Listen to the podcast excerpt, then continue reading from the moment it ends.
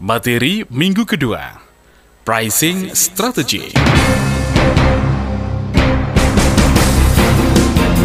Segera kita ikuti Smart Marketing and Innovation. Seluk-beluk pengembangan perusahaan dari sisi A hingga Z marketing dan inovasi. Bersama DSW, pakar dan praktisi bidang marketing dan inovasi sekaligus Business Development Director SLC Marketing. Selamat sore Smart Listeners, kita berjumpa kembali agenda Senin jam 5 hingga jam 6 sore. Kita senantiasa berjumpa dalam talk show Smart Marketing and Innovation. Kita memasuki minggu kedua di bulan Februari 2015 dan untuk uh, tema di bulan ini entrepreneurial marketing ya. Pada kesempatan kali ini kita nanti akan bahas tema yang cukup menarik pricing strategy dan dengan narasumber tetap kami DSW Dr. Sandi Wahyudi. Saya akan sapa DSW selamat sore. Selamat sore, keep stupid smart listeners sekalian di mana pun anda berada saat ini. Nah, mungkin kaget ya, keep, keep stupid. stupid. Nah, keep stupid. bodoh gitu. Nah, bodoh. Ini slogan SLC Marketing sejak tiga tahun yang terakhir untuk smart listeners sekalian karena kita masih dalam rangkaian besar yakni entrepreneurial marketing. Yeah. Ada kata kunci entrepreneurial di sana yang mana seorang entrepreneur ini harus berani ambil resiko, proaktif, inovatif, kreatif, dia harus keep stupid macam okay. Steve Jobs belum meninggal kan yeah. dia katakan stay foolish stay, stay hungry, tetap yeah. bodoh tetap, tetap lapar, lapar yeah. tetap menjadi orang yang stupid bukan berarti bodoh sungguhan tapi yang mana kita mau mengosongkan gelas kita untuk mendengar talk show satu jam ini. Baik ya, dikosongkan gelas Anda untuk mendengarkan talk show ini. Ada banyak sekali benefit ya. Nanti kita akan uh, perbincangkan benefit itu. Tapi yang pasti sepanjang talk show berlangsung, Anda bisa telepon nomor telepon kami 031 732 1498. Kemudian bisa juga SMS ke 0856 461 16 889 atau bisa juga BBM ke Smart FM PIN kami 5158 F514. Topik kita cukup menarik pada kesempatan kali ini ya DSW ya. ya. Uh, pricing strategi. Seringkali kan uh, ini dilematis loh bagi bagi seorang entrepreneur ya. Kalau hmm. misalnya kita mau jual mahal, takut nanti nggak laku. Nah, jual murah untungnya sedikit bahkan kadang-kadang kita harus ya tekor. guru gitu. Iya, tekor. Oke. okay. Akhirnya terjadi subsidi silang aja iya, ya. Subsidi silang. Uh, Nah, apa ini yang yang ingin di, disampaikan dalam pricing strategi pada satu jam ke depan ini? Ah, Oke, okay. sekilas mengenai minggu lalu kita sudah diskusi mengenai product combination, market combination ya. Uh, bagaimana yeah. kita meluncurkan produk baru di pasar yang baru atau di pasar yang lama atau menggarap pasar yang baru untuk memasarkan produk yang lama. Nah, pada minggu ini kita akan belajar bersama mengenai pricing strategi, yakni menetapkan harga jual produk yang kita mau luncurkan khususnya. Yeah. Nah, kalau sudah Anda uh, running bisnis, sudah punya produk-produk beragam dan Anda sudah uh, menetapkan harga sebelumnya, is okay, mungkin bisa jadi masukan buat Anda ke depannya. Apabila Anda yang benar-benar ingin membuat meluncurkan produk yang baru tahun ini, maka topik hari ini sangat tepat sekali. Oke, ini yang harus dicermati pada kesempatan kali ini. Terbagi empat sesi di sesi awal ini apa yang akan diulas oleh DSW ini? Oke, sesi awal segmen satu kita akan belajar mengenai dampak kesalahan apabila kita salah menetapkan harga jual produk. Okay. Dan dampak positif kalau kita benar untuk menetapkan harga jual. Jadi positif negatifnya apa sih kalau salah netapin harga jual? Itu yang pertama. Di segmen yang kedua kita akan diskusi mengenai faktor-faktor yang perlu dipertimbangkan untuk menetapkan harga jual produk. Apa saja yang harus dipertimbangkan? Nah, yang yeah. ketiga, kita mau mengimplementasi harga jual yang kita sudah tetapkan. Gimana? Kita pakai skimming atau penetration sebaiknya? Nah itu untuk implementasinya nanti di sesi ketiga. Sesi ketiga, baik. Dari dampak kesalahan dulu deh, menetapkan harga jual produk apa yang bisa di share kepada smart listeners ini. Oke, okay, dampak kalau salah atau benarnya, yang yeah. pasti ada tiga dampak yang akan kita rasakan. Oke. Okay. Semakin tinggi harga jual kita, memang untungnya semakin banyak. Ya. Yeah. Nah, cuma apakah laku ya? Betul. Nah itu pertanyaannya kan. Tapi kalau kita jual terlalu murah, pasti laku, pasti. Pasti, ya. Tapi nanti gimana ya image kita perusahaan betul. kita kan? Ah, kira-kira itu. Kemudian untung kita dikit. Harusnya kita bisa untung lebih banyak dari itu. Hmm, nah, iya, itu. Iya. Yang pertama adalah masalah penjualan sendiri. Ya, nominal revenue, sales revenue kita akan ya. kena dampaknya. Yakni baik dampak unit penjualannya atau nominalnya. Bisa naik, bisa turun kalau kita salah menetapkan harga jual. Kalau terlalu tinggi dan kita menjual produk yang katakanlah di pasar sudah banyak kompetitor atau Iya. istilahnya red ocean, produk substitusinya begitu banyak sehingga customer itu menang milih istilahnya. Betul. Menang milih karena wah ngapain beli di tempat kamu di tempat lain aja sama kualitas nggak jauh beda harga lebih murah kok. Akhirnya mereka pindah. Karena produk substitusinya terlalu mudah mencarinya. Iya. Nah, akhirnya sales revenue sales revenue yang di perusahaan kita pasti turun karena dompet uang yang dari dompet pelanggan itu nggak masuk ke perusahaan kita tapi masuk ke perusahaan sebelah ke tetangga. Itulah Oke. terjadi kalau kita terlalu mahal, yakni masalah di sales revenue itu yang pertama. Oke, sales revenue. Sales revenue. Ujung-ujungnya apa? Market share kita kena. Market share adalah konsep di mana eh, pangsa pasar ya.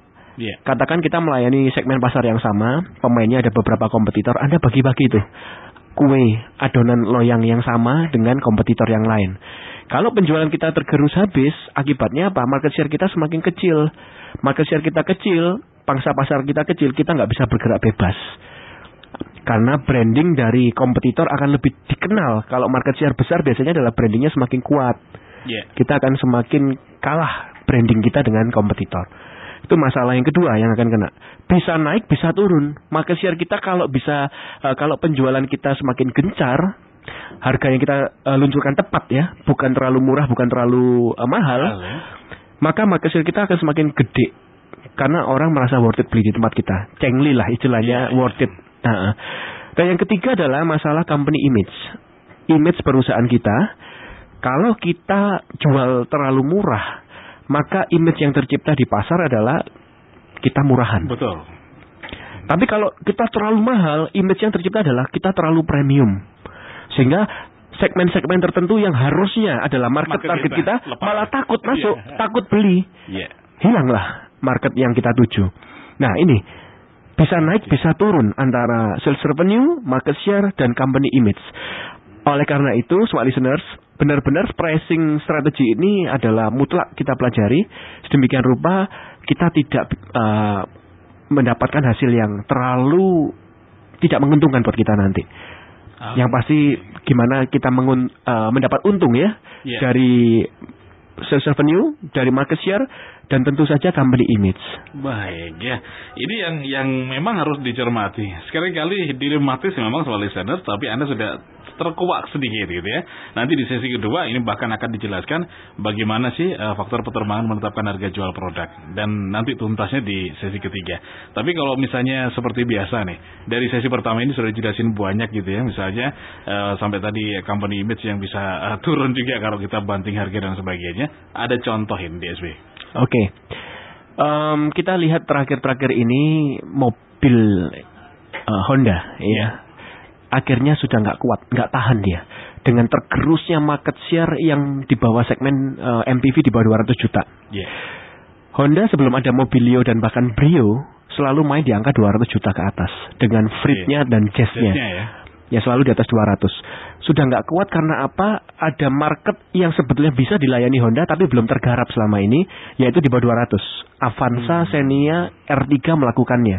Iya. Kemudian muncul Agia, Ayla dan teman-temannya yang lain. Iya. Wah, akhirnya mau nggak mau Honda harus melakukan eh, peluncuran produk baru tentu saja dengan brand yang berbeda, Iya. yakni dengan Mobilio dan Brio-nya untuk melawan teman-temannya yang tadi. Betul. Nah, ini dilakukan Honda sedemikian rupa sehingga segmennya eh, tetap yang bisa dilayani, bisa dilayani, market share-nya juga akhirnya aman. Nah, sekarang penjualan mobilnya Car of the Year-nya 2014 adalah Mobilio. Betul. Car of the Year 2013 memang R3 Suzuki. Iya. Nah, ini kan apa yang dilakukan Honda salah satu contohnya adalah sehingga mengamankan market share. Tapi company image Betul, tetap tetap terjaga, terjaga gitu ya. Heeh, karena Karena mereka main di apa branding yang berbeda. Ada segmen untuk Brio tersendiri, dia Iya. naikin untuk mobilnya di atasnya gitu. Betul. Ya? heeh. Oke. Adapun juga dua segmen yang berbeda dalam Brio. Iya. Brio dan Brio Satya. Betul sih, ya. Nah, Brio Satya mungkin yang sedikit subsidi Iya. eh, apa LCGC-nya Iya. untuk green car-nya, low cost-nya. Kemudian ada eh, logo Garuda. Betul. Kalau di Satya punya, macam Agia Ayla kan. Iya. Tapi kalau yang di Brio yang nggak ada Satyana, Satyanya itu nggak ada logo Garudanya sama sekali. Dan itu memang agak Agak beda tinggi, Iya. 20-an, 30-an lah ya harganya ya. Oke. Ah, ini pricingnya pun ditentukan dengan segmennya. baik ya. Itu salah satu Ini contoh yang dilakukan satu Honda. contoh yang paling gampang dilihat gitu ya. Kenapa akhirnya tadi DSO juga menyampaikan sebuah data bahwa Car of the Year 2014 jadi Mobil, iya. Baik ya. Car of the paling tidak MPV. terjawab. Ya untuk MPV. Di bawah, uh, low- ya. low MPV. sebelumnya kan E3 gitu Ketiga, ya. iya. Jawab berarti kan? Baik, ya.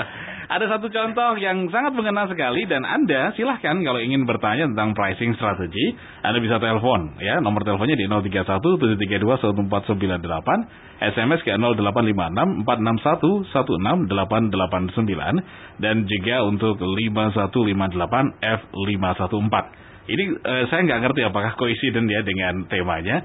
DSP pada kesempatan kali ini juga berbagi ada empat voucher. Iya. ini, ini kalau berbayar juga mahal ini. Iya. Voucher seminar eksklusif kami yang disebut dengan marketing health check. Oke, marketing health check ya ada empat voucher di sini dan menariknya satu voucher ini berlaku untuk dua orang dalam satu company. Satu perusahaan yang sama, Anda Iya. bisa kirim dua orang, satu dari top, Top manajemen, satu satu dari- dari orang lapangan, orang marketing. Kenapa? Satu dari top manajemen, satu dari orang marketing. Karena di dalam marketing health check seminar, kita akan sama-sama belajar mengisi kuesioner, kita akan membuat keputusan-keputusan yang sifatnya strategik. Jadi orang atas itu yang membuat keputusan, orang bawah pun harus kasih input strategi. Putusan putusan pasarnya ini kan orang bawah harus Iya. kasih input ke atas, atas kasih input ke bawah. Ya sering kali inovasi tidak jalan karena dari atas Targetnya tidak melihat, terlalu, iya. ah, nggak lihat di kondisi di pasar Tidak gimana. applicable di lapangan. gitu ya. Sebaliknya inovasi yang berangkat dari bawah tapi yang atas nggak support juga nggak jalan. Iya. Ah, ah. Oke, ini ya ada empat voucher berarti nanti ada delapan orang ini yang bisa hadir di marketing health check Ya. yang ditawarkan oleh SLC eh, Marketing dan tentunya Anda yang bisa telepon ya. Jadi silahkan telepon tentang strategi pricing. Tentu menarik sekali di sini Anda bisa telepon kemudian untuk yang SMS dan untuk yang BBM nanti juga ada eh, challenge tersendiri ya. Ada namanya e-newsletter dari SLC. Nanti kita akan bahas nanti, kita akan break terlebih dulu. Kita akan lanjutkan talk show tentang Smart Marketing Innovation setelah jeda komersial berikut ini.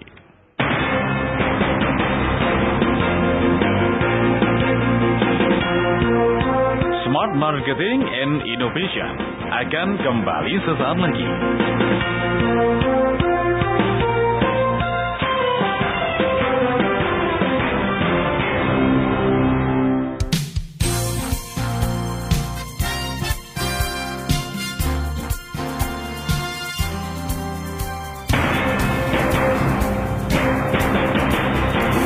Kembali kita ikuti Smart Marketing and Innovation. Seluk-beluk pengembangan perusahaan dari sisi A hingga Z marketing dan inovasi. Bersama DSW, pakar dan praktisi bidang marketing dan inovasi, sekaligus Business Development Director SLC Marketing. Smart listeners, kita masih berbincang topik untuk hari ini ya.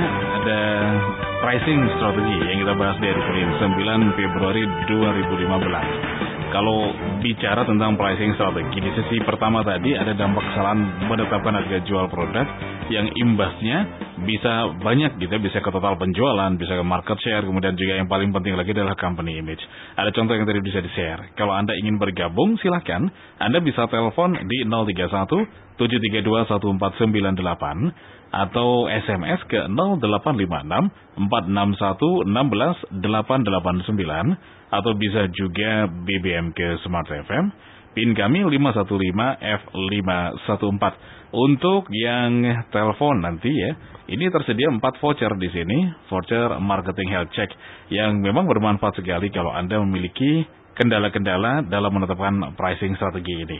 Jadi silahkan telepon untuk menyampaikan pertanyaannya atau bisa juga SMS dan juga BBM. Baik, kalau bicara tentang pricing strategi ya, mungkin tadi sebelum ini kita sedang eh, di off air kita juga sering cerita gitu ya, market di masing-masing daerah ini kan ya overall mungkin akan sama, tapi tantangan begitu masuk ke Surabaya juga luar biasa kan. Ah, luar Jadi biasa BSB ini. kan punya pengalaman juga. Iya.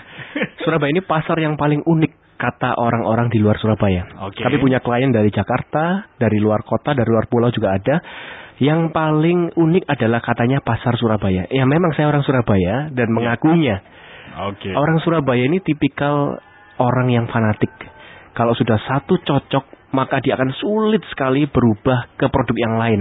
Selama produk itu masih ada, harga lebih mahal dikit pun akan tetap dibeli.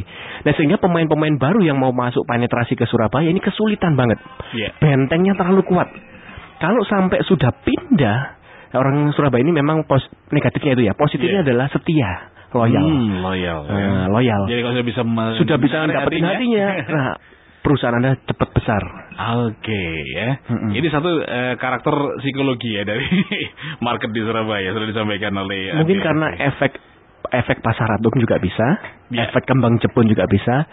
Itu yang mungkin kembang jepun efek uh, pasar atom efek yang Ya. membuat uh, perilaku uh, konsumen Surabaya seperti itu ya. Seperti itu ya. Dan Hmm. karena pasar atom ini juga bukan hanya kebanggaan Surabaya tapi Indonesia Timur. Indonesia Timur. ha. Iya. oke. Uh, orang luar Surabaya kalau belum ke pasar atom nggak komplit rasanya. Cuma ke TP aja nggak nggak rasanya gimana gitu loh. Iya.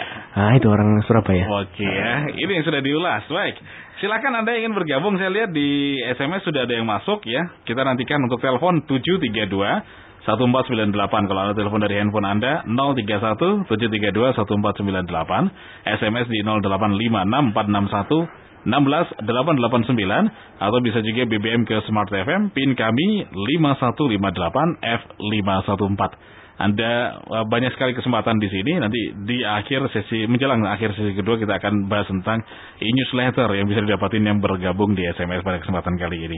Baik, uh, untuk yang kedua adalah faktor penimbang uh, pertimbangan menetapkan harga jual produk. Silakan DSW. Ya. Untuk menetapkan harga jual produk setidaknya ada tiga faktor pertimbangan yang tidak boleh dilewatkan. Ya. Ya, yang pertama adalah yang disebut dengan cost based pricing. Jadi pricing berdasarkan pendekatan cost, COGS, cost of goods sold atau istilahnya HPP ya, harga Ya. pokok produksinya. Yang mana kita pertama untuk ngeset harga jual ini jangan sampai dilupakan dulu. Nggak boleh kita nomboi lah dari HPP. Karena di, di setelah HPP kan ada overhead Ya. biaya untuk tenaga kerja, marketingnya, operasional dan sebagainya. Nah, setiap perusahaan pasti punya rule of thumb sendiri-sendiri. Rule of thumb kalau dalam resto ya kafe biasanya 35% itu adalah, adalah untuk HPP-nya, untuk COGS-nya. Hmm. Sehingga harga jualnya biasa dibagi dengan 0,35. Dari HPP dibagi 0,35 keluarlah harga jual yang akan eh, di, dipasarkan. Sedangkan yang kedua adalah kompetit, eh, competitor based pricing, yakni pendekatan penetapan harga berdasarkan kompetitor punya harga. Nah, setidaknya selain kita consideration pertama adalah eh, dari HPP, kita juga harus lihat kompetitor jual harga berapa. Jangan kita cuma satu patokan HPP sekian, yang penting cuan sekian cukup lah keuntungannya sekian. Sedangkan kompetitor masih jauh lebih tinggi di atas kita. Ya ngapain? Iya. Kan kita masih bisa ambil untung dari sana seharusnya. Jadi Oke. ke- pertimbangan kedua harus dimasukkan ya ini kompetitor jual berapa. Kompetitor ini pun kita jangan sampai salah ambil kompetitor. Ada dua istilah kompetitor di sini, direct kompetitor dan indirect kompetitor. Kompetitor langsung dan kompetitor tidak langsung. Mana yang harusnya kita ambil sebagai acuan, sebagai benchmark untuk kompetitor based pricing seharusnya adalah yang direct kompetitor. Kompetitor langsung. Ya. Apa bedanya kira-kira direct dan indirect? Direct kompetitor adalah kompetitor yang skala usahanya nggak jauh beda dengan kita. Head on ya dia. Ah, head on, head Iya. apa apple to apple lah Iya. dengan kita. Kualitas produk juga kita nggak jauh beda, skala bisnis kita nggak jauh beda, segmen target kita sama. Dan konsep yang kita usung hampir sama. Nah, ini kita bisa jadikan acuan berapa sih harga jual mereka. Temukan setidaknya 2 sampai 3 kompetitor direct Anda. Sedemikian rupa kita bisa tahu eh, harga jual yang pantas eh, kita masuk di harga berapa untuk produk yang kita mau luncurkan di 2015 ini. Itu pendekatan yang kedua. Oke. Ada juga pendekatan yang ketiga yang tidak boleh dilewatkan. Nah, yang ketiga adalah disebut dengan perception based pricing. Jadi penetapan harga berdasarkan persepsi yang kita mau ciptakan bagi konsumen. Hmm, oke. Kalau memang kita mau dipersepsikan bahwa kita jauh lebih baik dari kompetitor, why not kita di atas kompetitor? Tapi kalau kita mau dipersepsikan sebagai ya perusahaan yang compete ya, competitionnya, kita paling tidak bisa masuk dengan harga yang sama dengan kompetitor. Atau kalau kita mau dicitrakan sebagai low cost airline, contoh low cost Iya. uh, hotel, ya kan low cost laundry, kita coba masuk di harga yang pen- uh, perception based pricingnya kita coba buat di bawah kompetitor direct yang tadi. Nah, Hmm. Tiga pendekatan ini kita rumuskan sedemikian rupa mencari titik tengahnya. Mencari titik tengahnya adalah titik equilibrium di mana kita coba ambil titik equilibrium ini sebagai harga jual trial pertama di pasar. Pricing testnya di sana. Price testingnya. Iya, iya, iya. Jangan sampai kita tidak melakukan pricing test karena yang pasti eh, dari ketiga formula ini kalau kita kombinasikan sedemikian rupa bisa jadi masih terlalu murah sehingga untungnya dikit atau terlalu tinggi nggak laku nanti. Hmm. Nah, pricing test itu apa sih? Adalah konsep di mana kita jual untuk segmen tertentu dengan lingkup tertentu dengan waktu tertentu yang kita katakan bahwa ini adalah prototype, produk yang kita mau coba pasarkan. Nah, memang kita harus survei. Jadi jangan langsung masal gencar di iklan di koran, iklan di radio yang mana kita belum melakukan pricing test.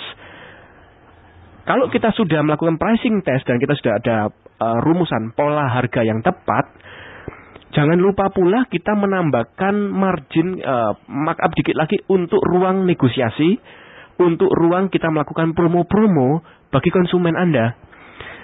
Perhatikan juga faktor demand and supply. Jadi macam hotel nih. Hotel kalau high season kan pasti muahalnya minta ampun. Betul, kalau permintaannya tinggi. Ah, karena demand-nya kan tinggi, Iya. supply-nya sama, demand-nya tinggi pasti naik harga. Hukum ini ya demand Iya, supply. iya. Nah, perhatikan ruang di mana eh, kita masih ada untuk eh, promo dan nego. Jadi yang tadi titik equilibrium setelah kita pricing test ketemulah satu titik harga, jangan itu yang akan kita pakai, tapi naikkan sedikit lagi untuk ruang negotiable-nya, untuk promosinya. Hmm, Gitu. Iya, iya, iya. Oke. Nah, yang yang menarik tadi di saat eh, kita dipersepsikan oleh eh, istilahnya pasar gitu ya. Ini lebih tinggi daripada eh, kompetitor kita yang tadi Apple to Apple tadi. Ini eh, asumsi ini kita bisa ambil dari mana DSW? Apakah kita harus melakukan riset juga atau survei? Nah, asumsi ini yang pasti eh, Anda memang punya visi atau apa ya value perusahaan ke depan mau dibawa ke mana? Ini jangka panjang. Hmm. Sebab satu produk yang kita punya ini adalah sekumpulan dari produk-produk lain yang kita pasarkan juga kan. Iya. Artinya produk yang kita mau luncurkan ini adalah adik yang baru dari produk-produk lama yang kita pasarkan sebelumnya. Kalau memang kita mau dicitrakan ke depan seperti apa, maka sesungguhnya adik yang mau kita lahirkan ini loh. Produk yang kita mau lahirkan ini bisa membantu untuk mencapai uh, goal perusahaan di tahun-tahun yang ke depan. Kalau memang kita ada perubahan. Hmm, iya, Nah. iya, iya. Oke. Artinya produk portofolio ya. Iya, Konsep portofolio. produk portofolio uh, kita punya produk satu ini saling bersinergi dengan produk yang lain. Iya. Tidak bisa kita menetapkan oh produk ini mahal, ini produk murah tanpa ada keterkaitan satu sama lain. Betul. Dari segi branding, dari segi fasilitas, kualitas pelayanan dan sebagainya harus diperhatikan baik-baik. Macam BCA kan ada BCA prioritasnya tuh. Beda konsep Ya. eh, satu di atas, sa- satu nggak usah antri berdiri, satunya duduk kan. Nah, tapi harus ada constraint di mana nasabah yang di atas 200 juta deposito baru bisa masuk ke atas. Nah, contohnya salah satunya seperti itu. Oke. Mm-mm. Jadi yang punya uang-uang eh, besar ya pakai prioritas gitu ya. Nah, itu Tidak salah. sana. Banyak juga airline, yang Airline menggunakan betul juga. membership Ya, mile. betul. eh, Dengan layanan-layanan tertentu gitu ya. Ini strategi yang ada di sana. Baik. Eh, contohnya tadi sudah eh, hotel ya sangat memungkinkan di sana. Saya akan sapa yang sudah bergabung. Ada sebentar ini dengan Bapak tidak ada namanya. Oke, eh, dengan Bapak yang sudah kirim eh, SMS ya dengan nomor 081 belakangnya 4 digit belakangnya 2309. Ini menanyakan, saya adalah pedagang bakso kelas semi resto. Apa solusi Bapak ketika tiga bulan pertama sebuah produk tidak laku, bahkan cenderung merugi? Ini pertanyaan yang disampaikan. Nanti kita akan bahas ya di sesi berikutnya. Siap, Pak. Mm-mm. Yang lainnya silahkan Anda yang ingin bergabung ya terbuka kesempatan telepon silahkan 0317321498 atau SMS di 0856 461 16 889 dan BBM ke Smart FM PIN 5158 F514. Untuk Anda yang telepon ada 4 voucher yang saya pegang sekarang marketing health check ini seharga vouchernya adalah 1 juta ya 1 juta setengah. Jadi Anda kalau misalnya mendapatkan ini luar biasa sekali karena berlaku untuk dua orang yang disarankan oleh DSW tadi yang datang adalah dari top management dan juga dari eh, petugas lapangan ya, Marketing. marketing yang Hmm. ada di lapangan supaya bisa sinkron ya. Jadi eh, seperti apa kondisi real di lapangannya kemudian target itu bisa supaya ya bisa applicable di sana. Ada empat voucher itu yang bisa Anda lakukan untuk telepon ya. Masih ada dua sesi yang tersisa. Kita akan break terlebih dulu.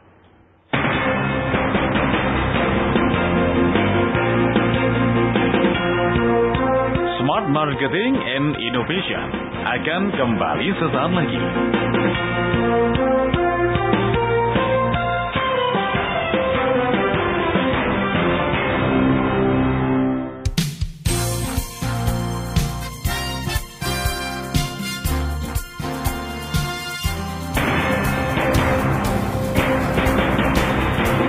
Kembali kita ikuti Smart Marketing and Innovation. Seluk-beluk pengembangan perusahaan dari sisi A hingga Z marketing dan inovasi. Bersama DSW, pakar dan praktisi bidang marketing dan inovasi, sekaligus Business Development Director SLC Marketing. Smart listeners, kita masih berbincang tentang pricing strategi ya. Bagaimana sih strategi menetapkan harga? Apa saja variabel-variabel yang harus diperhatikan dan apa dampaknya kalau Anda kemudian salah dalam menetapkan harga ya? Terlalu murah, dampaknya seperti apa? Terlalu mahal, dampaknya seperti apa? Tadi sebagian sudah dibahas di sesi 1 dan 2 dan tadi juga sempat eh, saya sudah sapa Anda yang sudah bergabung di SMS. Tapi sebelumnya saya akan undang lagi ada empat voucher ya marketing health check yang ditawarkan oleh SLC Marketing.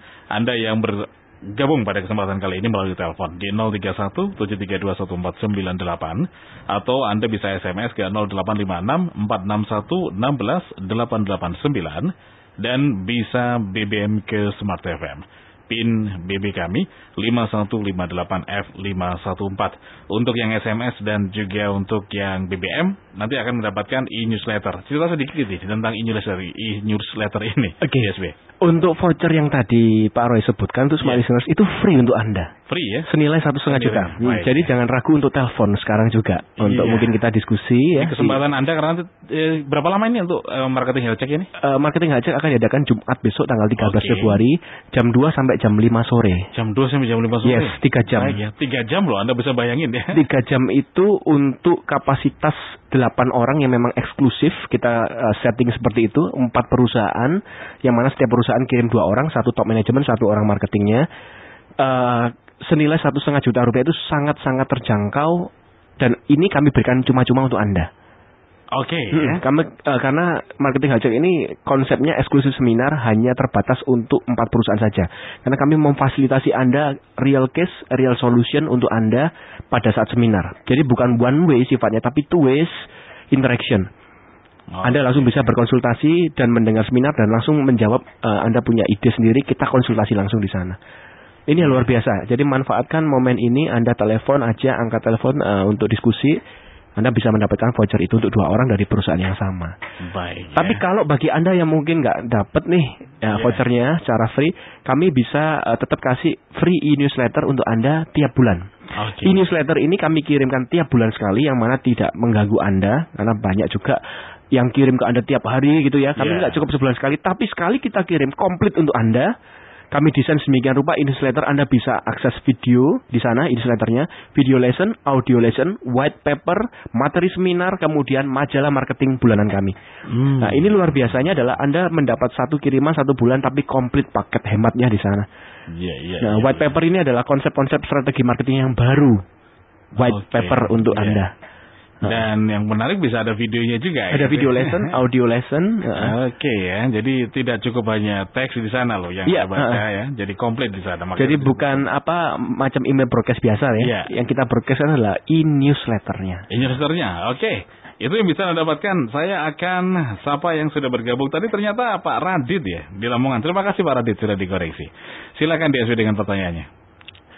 Baik. Um, jawabannya maaf. Oh ya, tadi Pak Radit berarti yang bakso, bakso semi ya. resto ya. Iya. Baik.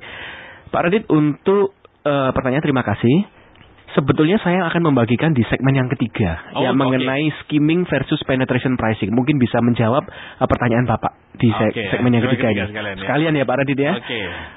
Baik, smart listeners. Uh, untuk segmen ketiga ini mengimplementasi strategi harga. Ya gimana perusahaan kita kalau memang sudah terlanjur dengan produk yang kita luncurkan, mungkin bisa jadi masukan untuk Anda ke depannya. Atau bagi Anda yang ingin meluncurkan produk baru, nah ini mungkin bisa jadi uh, amunisi senjata untuk ke depannya. Ada dua pendekatan untuk implementasinya. Setelah Anda hitung nih uh, cost based pricingnya, competitor based pricingnya, perception based pricingnya, ketemu titik equilibriumnya, kemudian, nah sekarang kita mau melaunch harga jual ini kan? Iya. Yeah di angka berapa ya? Hmm, Ada baik. dua pendekatan untuk Anda. Yang Bentar, pertama, hmm? dua pendekatannya ditahan dulu. Kita akan sambung dengan penelpon ini. Dia, ya. ya. Baik. Halo, selamat sore. Uh, selamat sore. Silakan, Pak. Uh, uh, gini, Pak. Dengan Bapak siapa dulu? Dengan Susanto. Pak Susanto, silakan. Hmm, saya ini kan main di online, Pak. Online, oke. Okay. Uh, nah ini pakai BBM biasanya. Mohon Pak, Pak Susanto radionya bisa volumenya dikecilkan Iya, ya. feedback. Biar kita bisa dengar jelas sekali suara dari Hmm, Pak Susanto. hmm. Baik, silakan Pak Susanto.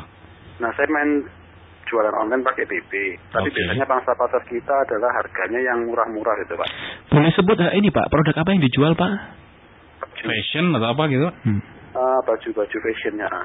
Oke, baju. Fashion ya Pak ya. Ah, nah, begitu harga kita naikin sedikit, saya ada, ada memang supplier lain yang memang harganya lebih bagus. Mm-mm. Kualitas barang pasti bagus, Pak. Kalau ada harga pasti ada barang. Iya, iya betul Pak. Nah, cuman begitu kita masukin barang yang bagus, harga di atas yang biasanya kita jual, anggap aja misalkan biasanya Hmm. di bawah 100, nah ini saya mulai coba jual yang di atas 100 ribu, Hmm, Mbak. tapi nggak ada yang respon tuh Pak. Oke. Gimana kira-kira bisa ada masukan dari Pak Sandi mungkin ya? Ya, siap Pak Susanto. Terima kasih Pak untuk eh, interaktifnya. Oke. Saya tunggu Pak. Ya, Tunggu. siap Pak. Mm-mm. Pak Terima kasih Pak Susanto ya jawabannya untuk ya. interaksinya. Dilanjut dulu untuk Baik, Pak- untuk Pak Susanto Buat dan Pak Pak. Radit ya Iya. tadi ya. Terima kasih. Ah, coba saya tuntaskan dulu mungkin dengan penjelasan saya ini menjawab semua nih. Pertanyaan-pertanyaan Ya. smart listener yang lain juga Iya. ter- eh, khususnya Pak Susanto dan Pak Radit. Oh, masalah skimming dan Iya. penetration pricing. Baik, misalnya smart listener sekalian, skimming pricing adalah konsep di mana kita jual di harga tinggi dulu, lalu berjalan dengan seiring waktu kita mulai turunkan Iya. cocok bagi perusahaan Anda yang masuk pasar Blue Ocean. Blue Ocean itu apa sih? Kompetitornya masih sedikit banget, bisa dihitung jari. Hmm, iya, iya, iya. Sehingga eh, konsumen ini mau nggak mau suka nggak suka ya, ya mana ada pilihan lagi ya sudah ngatut Anda istilahnya kan gitu. Cocok untuk produk-produk lifestyle, produk-produk fashion, produk-produk yang hobi. Mereka yang kurang sensitif harga itu biasa terkait dengan lifestyle, fashion, hobi. Kalau sudah kadung hobinya, stick golf yang 100 juta pun akan dibeli sama dia. Nggak peduli ya. Iya. Kalau sudah hobinya mancing, alat pancing Betul, yang sekian mahal gitu. puluh juta pun akan dibeli. Coran yang mahal aja bisa. Nah, ya. Oke. Ini cocok buat Anda yang menjual produk-produk lifestyle, fashion, hobi karena mereka kurang sensitif akan harga. Iya. Sudah kadung apa ya? emosinya dengan Emosinya iya, udah nggak bisa ngomong sudah. Iya. Di luar akal kita lah, di luar akal sehat. Kayak saya pikir kenapa ya dia masuk masuk beli ya. Betul. Nah, itu kita bisa melakukan skimming pricing, jual di harga tinggi dulu sa- lalu berjalan seiring waktu kita mulai turunkan harganya. Memang skimming pricing ini high profit margin, high, sangat tinggi keuntungannya. Tapi ingat, sacrifice volume. Hmm. Total unit penjualan Anda ak- tidak akan segencar sebanyak mereka perusahaan yang melakukan penetration pricing. Nah, akan saya jelaskan kemudian Iya. penetration seperti apa. Memang high profit margin tapi sacrifice volume. Tinggal Anda pilih nih, jual banyak, cuannya dikit, Iya. untungnya dikit, atau jual dikit tapi un- Untung. cuannya banyak. Nah, Samsung, eh, Samsung dan Apple itu dua gadget yang menggunakan strategi yang berbeda. Iya. Apple menggunakan skimmingnya, sedangkan Samsung menggunakan penetration pricingnya. Total penjualan worldwide global, penjualan Apple dengan Samsung, Samsung itu jauh di atas penjualan Apple secara unit device-nya dan nominal US dollarnya. Iya. Apple nggak ada apa-apanya dengan Samsung. Tapi secara margin keuntungan, Apple jauh lebih besar dia unit eh, per, per, per device-nya ya. Pe- eh, margin per device-nya jauh lebih besar dibanding Samsung. Oke. Nah, ini eh, karena kalau Samsung ingin dicitrakan sebagai komoditi gadget dari Samsung yang harga 200 ribu pun ada ya sampai yang belasan juta juga ada. Tapi kalau Apple nggak ada tuh yang di bawah sejuta aja, di bawah mungkin 4-5 juta juga nggak ada ya Iya. produknya Apple. Ada, betul. Ah, yang baru. Apalagi yang baru. Ini iPhone 6. skimming dengan penetration bedanya di sana. Nah, eh, skimming pricing ini membuat kompetitor melirik untuk masuk ke pasar yang sama, khususnya kompetitor baru. Kenapa kompetitor akhirnya mau melirik? Karena dia, wah enak ya, nggak susah ya. Oh, jualan dikit nggak usah ribet. Karena kalau jualan banyak, berarti kita perlu staff banyak, perlu gudang yang gede. Masalah tambah banyak, operasional cost tambah banyak. Tapi keuntungannya kok dikit ya. Nah ini kompetitor mengundang kompetitor baru untuk masuk. Hmm. Sedemikian rupa supaya kita bisa bersaing terus, kita harus buat produk versi terbarunya dengan cepat. Versi 4 keluar, tahun depan versi 5 keluar, versi 6. Dan terus ada terus menerus inovasi yang harus kita lakukan sedemikian rupa kompetitor kita cegah. Kita buat Iya. barrier-barrier dengan inovasi. Nah, skimming pricing bisa kita lakukan kalau ha, perusahaan Anda yakin dengan inovasi yang sifatnya continuous. Lakukan skimming pricing. Memang Anda ingin dicitrakan sebagai perusahaan yang different, yang berbeda. Lakukan skimming pricing. Tapi kalau Anda melayani pasar yang kira-kira sensitif dengan harga, kemudian pasar yang produk substitusinya yang begitu mudah ditemukan, enggak ada dijual di sini, ya udah cari tempat dan ada. Produknya terlalu komoditi, seperti fast moving consumer goods, Yeah. ya, kita nggak bisa melakukan skimming pricing. Kita harus melakukan yang namanya penetration pricing, karena kita sudah masuk di pasar yang namanya red ocean, yaitu pasar yang sudah berdarah, Berdarah. kompetitornya begitu banyak, kita harus melakukan penetration. Anda yang baru memulai meluncurkan produk baru, apalagi perusahaan Anda baru, karena brand Anda tidak, uh, brand Anda mungkin kurang dikenal oleh pasar, sebaiknya melakukan penetration dulu.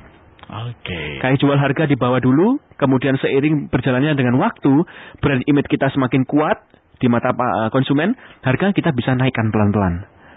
Nah, ini bisa kita dapatkan high volume, tapi sacrifice profit margin, kebalikannya. Ah, kebalikannya dari ya. Volume kita bisa dapatkan fantastis penjualan sales revenue kita, tapi secara hitungan per cost eh, per apa ya unitnya ternyata profit margin kita dikit. Oke. Ini Ya. ah, akibatnya membuat kompetitor baru malas untuk masuk ke pasar yang sama. Aduh capek juga ya, aku Ya. harus punya mesin yang banyak karena harus punya economies of scale yang tinggi. Dia Ya. punya mass production yang siap. Walaupun brandnya baru tapi dia punya kapasitas mesin, kapasitas eh, untuk produksi yang gencar, Ya. bisa. Asalkan economies of scale-nya tinggi. Economies of scale adalah sebuah konsep di mana sekali bikin banyak sehingga untuk menekan cost produksinya. Hmm. Nah ini bisa kalau memang kompetitor bisa melakukan itu siap-siap Anda bersaing lagi berdarah lagi itu. Iya, nah, iya, iya. gimana solusi untuk jalan keluarnya? Lakukan penetration pricing dan jangan lupa branding. Iya. Nah ini jalan keluarnya adalah branding. Untuk Pak Susanto, Pak Radit eh, mungkin produknya sangat berbeda. Satu fashion, kemudian satunya kan eh, bakso, ya. Bagi anda mungkin karena brand anda belum dikenal, lakukan penetration pricing, mulai naikkan pelan-pelan dan branding harus eh, digencarkan. Atau kalau memang anda sudah cukup punya nama di sekitaran resto bakso anda atau Pak Susanto sudah punya ini branded fashion ya, Iya. lakukan skimming aja pak. Oke, baik. Kita belum break, kita akan tampung penelpon ya. Halo, selamat sore.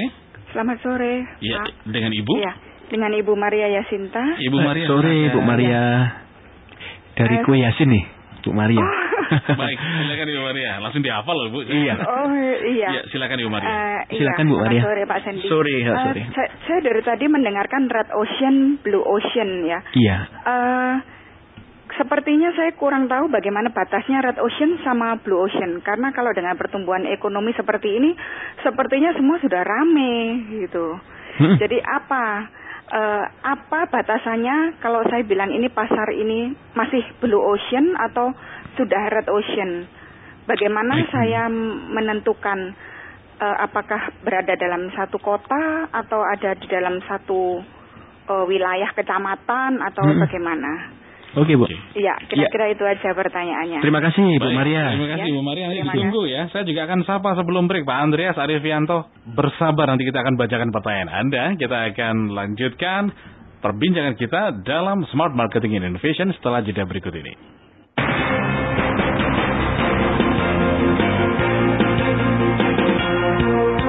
Smart Marketing and Innovation akan kembali sesaat lagi.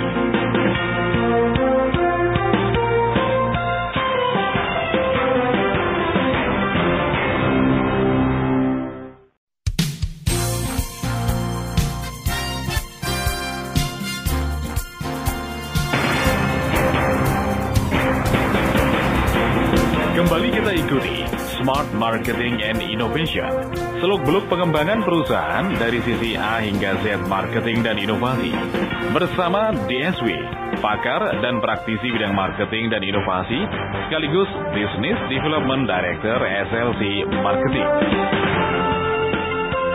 Baik, semua listeners, cukup menarik juga ya menjelang ending dari perbincangan kita di Smart Marketing and Innovation. Ini memang DSW harus maraton ini menjawab pertanyaan dari Ibu Maria eh, Yasinta. Maria Yasinta ya. Hmm. Kemudian tadi Pak Andreas sudah saya sapa tapi pertanyaannya saya akan bacakan. Pak Andreas Arifianto terima kasih juga sudah bergabung ya. Sore Pak DSW, saya bergerak di bidang jasa pelatihan SDM. Karena yang dijual jasa, Hmm. bagaimana menentukan harga yang ditawarkan? Hmm, hmm. Oke, Pak. Ini dari Pak Andreas, saya kemudian akan lanjut. Ini ada nama yang hampir sama ya. Saya pikir tadi Ibu Maria Yasinta, ternyata beda. Ada Ibu Emanuel ya, Maria. Ini menanyakan, Pak saya mau tanya, saya ini kan online eh, saat sekarang ini online shop kan banyak sekali. Apalagi saya jualannya kebanyakan barang yang belum ready alias masih PO. Hmm. Saya takut untuk nyetok Pak. Teman saya bilang kalau tidak berani ambil risiko ya tidak bisa dapat hasil banyak. Bagaimana menurut DSB? Oke, okay. ini maraton ya. saya jawab sesuai urutan yang bertanya ya, dulu nih. Oke, okay. saya saya apa dulu Ibu Maria Yasinta. Ibu Maria terima kasih untuk pertanyaannya. Untuk smart listener sekalian juga. Apa sih batasan, batasan red ocean dan blue ocean? Okay. Ya. Kalau kita banyak referensi yang bisa Anda gali, banyak sekali batasannya. Tapi satu yang paling bisa mudah diketahui, itu indikator yang paling mudah dipahami adalah price sensitiveness. Price sensitiveness, jadi sensitivitas akan harga. Semakin pasar itu red ocean, semakin berdarah-darah, kompetitor semakin banyak, maka apa yang terjadi? Customer akan semakin aware dengan pricing dari kompetitor lain alias kita di compare-compare harga. Yeah. Eh di sana dia akan cerita, kok mahal, kok murah. Berarti dia sudah ada referensi lain sehingga dia bisa mengatakan kok mahal, kok murah. Kalau bagi orang yang baru dikasih info produk kemudian dia nggak ada gambaran ini mahal murah ya nggak murah, murah atau mahal ya karena dia belum ada referensi sebelumnya hmm. jadi dia nggak tahu ini mahal murah karena dia belum bersentuhan dengan kompetitor lain yeah. demikian rupa pasar itu bisa jadi masih blue ocean jadi Bu Maria bukan berarti batasan ini artinya wilayah geografis satu kecamatan uh, tidak harus selalu itu. Uh, memang bisa salah satunya dipakai, cuma yang paling mudah dipahami adalah price sensitiveness dari konsumen yang aware atau tidak awarenya akan harga. Semakin banyak kompetitor, maka akan semakin banyak yang mengedukasi pasar bersama-sama dengan perusahaan Anda. Semakin banyak yang mengedukasi pasar, kompetitornya banyak, maka konsumer akan semakin aware, mudah memahami produk itu, yang sejenis itu. Yeah. Tapi kalau blue ocean maka konsumen belum terlalu aware karena yang mengedukasi masih sedikit. Nah, yeah, yeah, yeah. itu Bu Maria semoga bermanfaat untuk Anda. Kemudian pertanyaan dari Pak Andreas Arifianto ya. Yeah. Jasa pelatihan SDM Pak. Ah, mungkin kita hampir sama Pak. Kalau saya lebih kepada marketing academy, yeah. pelatihan salesnya, mungkin Bapak lebih luas. Uh, biasa kami juga memakai cost based pricing, kemudian competitor based pricing dan perception based pricing. Kalau kita Pak di jasa yang di, yang pasti tidak ada material ya, raw material uh, kita tidak punya mesin ya. Yeah. Gimana cara ngitung HPP-nya? Nah, ini ini pertanyaan, Pak. Yeah. HPP-nya yang benar-benar kita keluarin uang adalah sesungguhnya kalau kita sewa hotel, Pak, venue, kemudian kita uh, untuk sound system, kemudian untuk kalau uh, apa namanya benar-benar keluar duit, Pak ya. Yeah. Untuk uh, marketingnya, iklan, ya? iklan yeah. nah cetak handoutnya, materi sertifikat, kemudian jasa IO uh, yang lain ya, yang yeah. benar-benar kita keluarin ya. Kurang lebih di angka 30 sampai 40 persen, Pak. Bagi aja 0,3 0,4 Anda akan temukan harga jual tiket untuk yang uh, ini apa namanya cost base punya, cost base pricingnya. Yeah. Tapi tetap perhatikan kompetitor dan perception based pricing juga, Pak. Nah, itu kira-kira rumusan yang biasa kami pakai untuk menghitung uh, pendekatan yang pertama, cost based pricing. Yang lain sama caranya. Oke. Okay. Mm -mm. Pak Andreas Revianto, terima kasih juga sudah bergabung pada kesempatan kali ini. Sekarang Ibu Emanuel. Nah, Ibu Emanuel Maria tentang yeah. PO, pre-order Bu ya. Sebelum yeah. kita menjual tadi produknya apa? Fashion? Fashion. Fashion ya. Yeah uh, gimana kalau nyetok ternyata nggak laku? Ya, ah. teman-temannya ngomporin. Teman-teman ngomporin. Kalau ngambil banyak ya nggak besar. Ah, kalau nggak ngambil banyak, gimana bisa uh, dapat? Iya, dapat banyak. Dapat banyak. Iya, oke. Okay. Satu hal mungkin ibu buat ibu Emmanuel, ibu Maria, entrepreneurial orientation, orientasi entrepreneurial, mereka yang bisa dikatakan seorang entrepreneur, setidaknya punya tiga ciri khas utama ini. Yakni mereka yang proaktif, inovatif dan risk taking, calculated risk taker. Risk taking yang terkalkulasi. Ya, nah, bukan ngawur ya. Bukan ngawur. Jadi tetap ada unsur risknya, resiko. Yeah. Yakni resiko tidak terbeli karena kita sudah nyetok, resiko rugi pasti ada. Bagaimana kita bisa meminimalkan resiko? Kita juga harus tahu teknik forecasting, yakni meramal kira-kira dari pengalaman yang lalu gua nyetok segini bisa laku seberapa ya? Nah, itu bisa dijadikan kalkulatednya. Kalkulatednya untuk uh, meminimalkan resiko. Resiko tidak akan pernah hilang, tapi kita bisa minimalkan. Oke, okay, ya.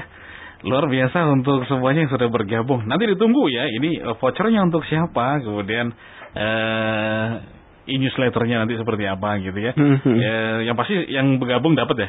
Iya. yang bergabung di eh, BBM dan SMS dapat. Ya. Baik, eh, sekarang kita ingin tanya ini eh, event terdekat ya dari SLC Marketing ini apa ini? Event terdekat kita ada di hari Jumat besok 13 Februari Oke. jam 2 sore ya ini seminar vouchernya sini ini seminar marketing hal cek. Kami buat khusus untuk Anda smart listeners. Jadi kenapa empat voucher? Kenapa cuma empat kali dua ya? Jadi delapan orang, empat perusahaan dari dua masing-masing perusahaan kan kirim dua orang. Jadi ada Ya. delapan orang ya. Karena acara ini kami buat khusus untuk anda delapan orang. Maksimal empat perusahaan. Lebih dari itu kami tidak mampu, tidak maksimal memfasilitasi real case anda dan memberikan real solution untuk perusahaan anda. Kami tidak mau memberikan seminar yang sifatnya masif puluhan malah ratusan bahkan ribuan orang tapi anda pulang kemudian tadi ngomong apa ya pembicara saya nggak mau seperti itu. Saya mau anda pulang membawa strategi yang baru untuk perusahaan anda. Ada lima hal yang kami akan ajarkan di sana yakni bagaimana perusahaan anda mempunyai IO entrepreneurial orientation mempunyai MO marketing orientation bagaimana perusahaan anda punya PI product innovation bagaimana perusahaan anda punya BE brand equity dan marketing performance ada lima variabel yang kami akan ajarkan di sana. Bagaimana meningkatkan performa perusahaan secara totalitas Ya. dari ujung hilir eh, hulu sampai hilirnya ya, Ya. dari segi bisnis dan marketingnya. Oke. asik Konsep ini juga bisnis eh, is like human, kemudian konsep bisnis life cycle kami akan ajarkan untuk perusahaan Anda. Baik, yang menarik lagi kan eh, di SLC Marketing ini ada lima divisi yang saling terintegrasi, apalagi dengan eh, sering dibilang bahwa ini akan memaparkan A sampai Z gitu ya. Ya. Dari strategi Jadi masih nyambung ini. Masih nyambung. Masih nyambung. Oke. Apa saja kalau boleh di share? Oke, divisi kami yang pertama adalah Research and Consulting. Research Oke. and Consulting ini punya tagline Innovation Matters. Ya. Setiap kami memberikan uh, riset, membantu riset dan memberikan solusi, kami selalu fokus pada innovation matters. Bagaimana memberi inovasi, menciptakan inovasi bagi perusahaan Anda. Divisi yang kedua adalah disebut dengan Marketing Academy. Kami punya tagline Best Module Fast Result. Modul terbaik, hasil tercepat untuk tenaga sales Anda, marketing Anda. Divisi yang ketiga adalah marketing klinik, pendampingan one-on-one mentoring dengan business owner. Kami punya tagline resolving re-engineering. Bagaimana resolve perusahaan Anda mere-engineering ulang bisnis dan marketing perusahaan Anda. Divisi yang keempat adalah sales recruitment. Kami punya tagline truly trooper builder. Benar-benar trooper builder yang uh, truly bagaimana menyiapkan pasukan-pasukan handal sales Anda untuk men- uh, melakukan penetrasi pasar supaya perusahaan Anda punya omset penjualan yang fantastis. Yang kelima, divisi terakhir adalah divisi brand activation. Kami punya tagline reach the unreachable. Menjangkau mereka yang belum, tidak terjangkau. Bagaimana brand activation, branding perusahaan Anda ini bisa masuk ke segmen pasar yang berbeda sehingga uh, market Anda, market share Anda, penjualan Anda semakin meningkat. Itu lima divisi di SLC Marketing. Kontak kami di 031 511 62521. Saya ulangi 031 511 62521 atau akses ke www.slcmarketinginc.com. Baik ya. Luar biasa. Jadi sekarang giliran nih siapa yang akan mendapatkan voucher ini, Desi? Baik, yang pasti tentu saja yang berinteraksi secara langsung, Ya. yakni tadi ada Ibu Maria Yasinta Oke. lewat telepon, kemudian Pak Susanto ya. Pak Susanto tadi Ya.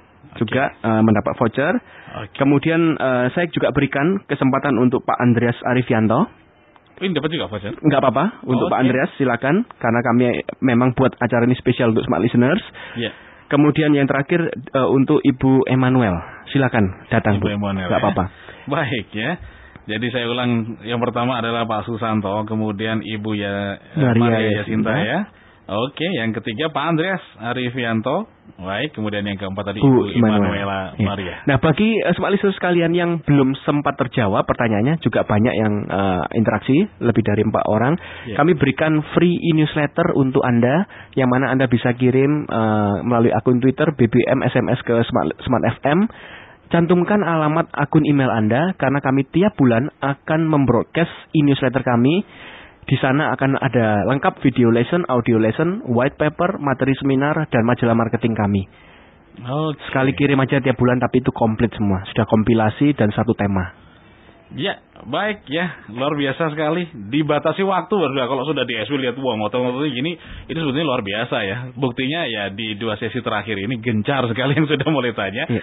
Tapi pastilah bahwa kalau misalnya, waduh eman banget ya, kenapa kok ya baru terakhir tadi di sesi terakhir. It's okay, Senin bisa ketemu lagi. Tema payung besarnya masih di bulan Februari ya. Kita masih berbincang tentang tema besar kita, ya ini entrepreneurial marketing. Marketing. Baik ya, akhirnya harus berakhir juga kebersamaan kita pada edisi 9 Februari ini. Saya Roy Titale. Only Marketing Can Drive Innovation. Saya DSW, Dr. Sandi Wayudi, Business Development Director SLC Marketing Inc. Hanya untuk Smart FM. Baik, kita berjumpa lagi minggu depan. Telah kita ikuti Smart Marketing and Innovation. Seluk-beluk pengembangan perusahaan dari sisi A hingga Z marketing dan inovasi. Bersama DSW, pakar dan praktisi bidang marketing dan inovasi, sekaligus Business Development Director SLC Marketing. Ikuti inspirasinya setiap hari hanya di 889 Smart FM Surabaya.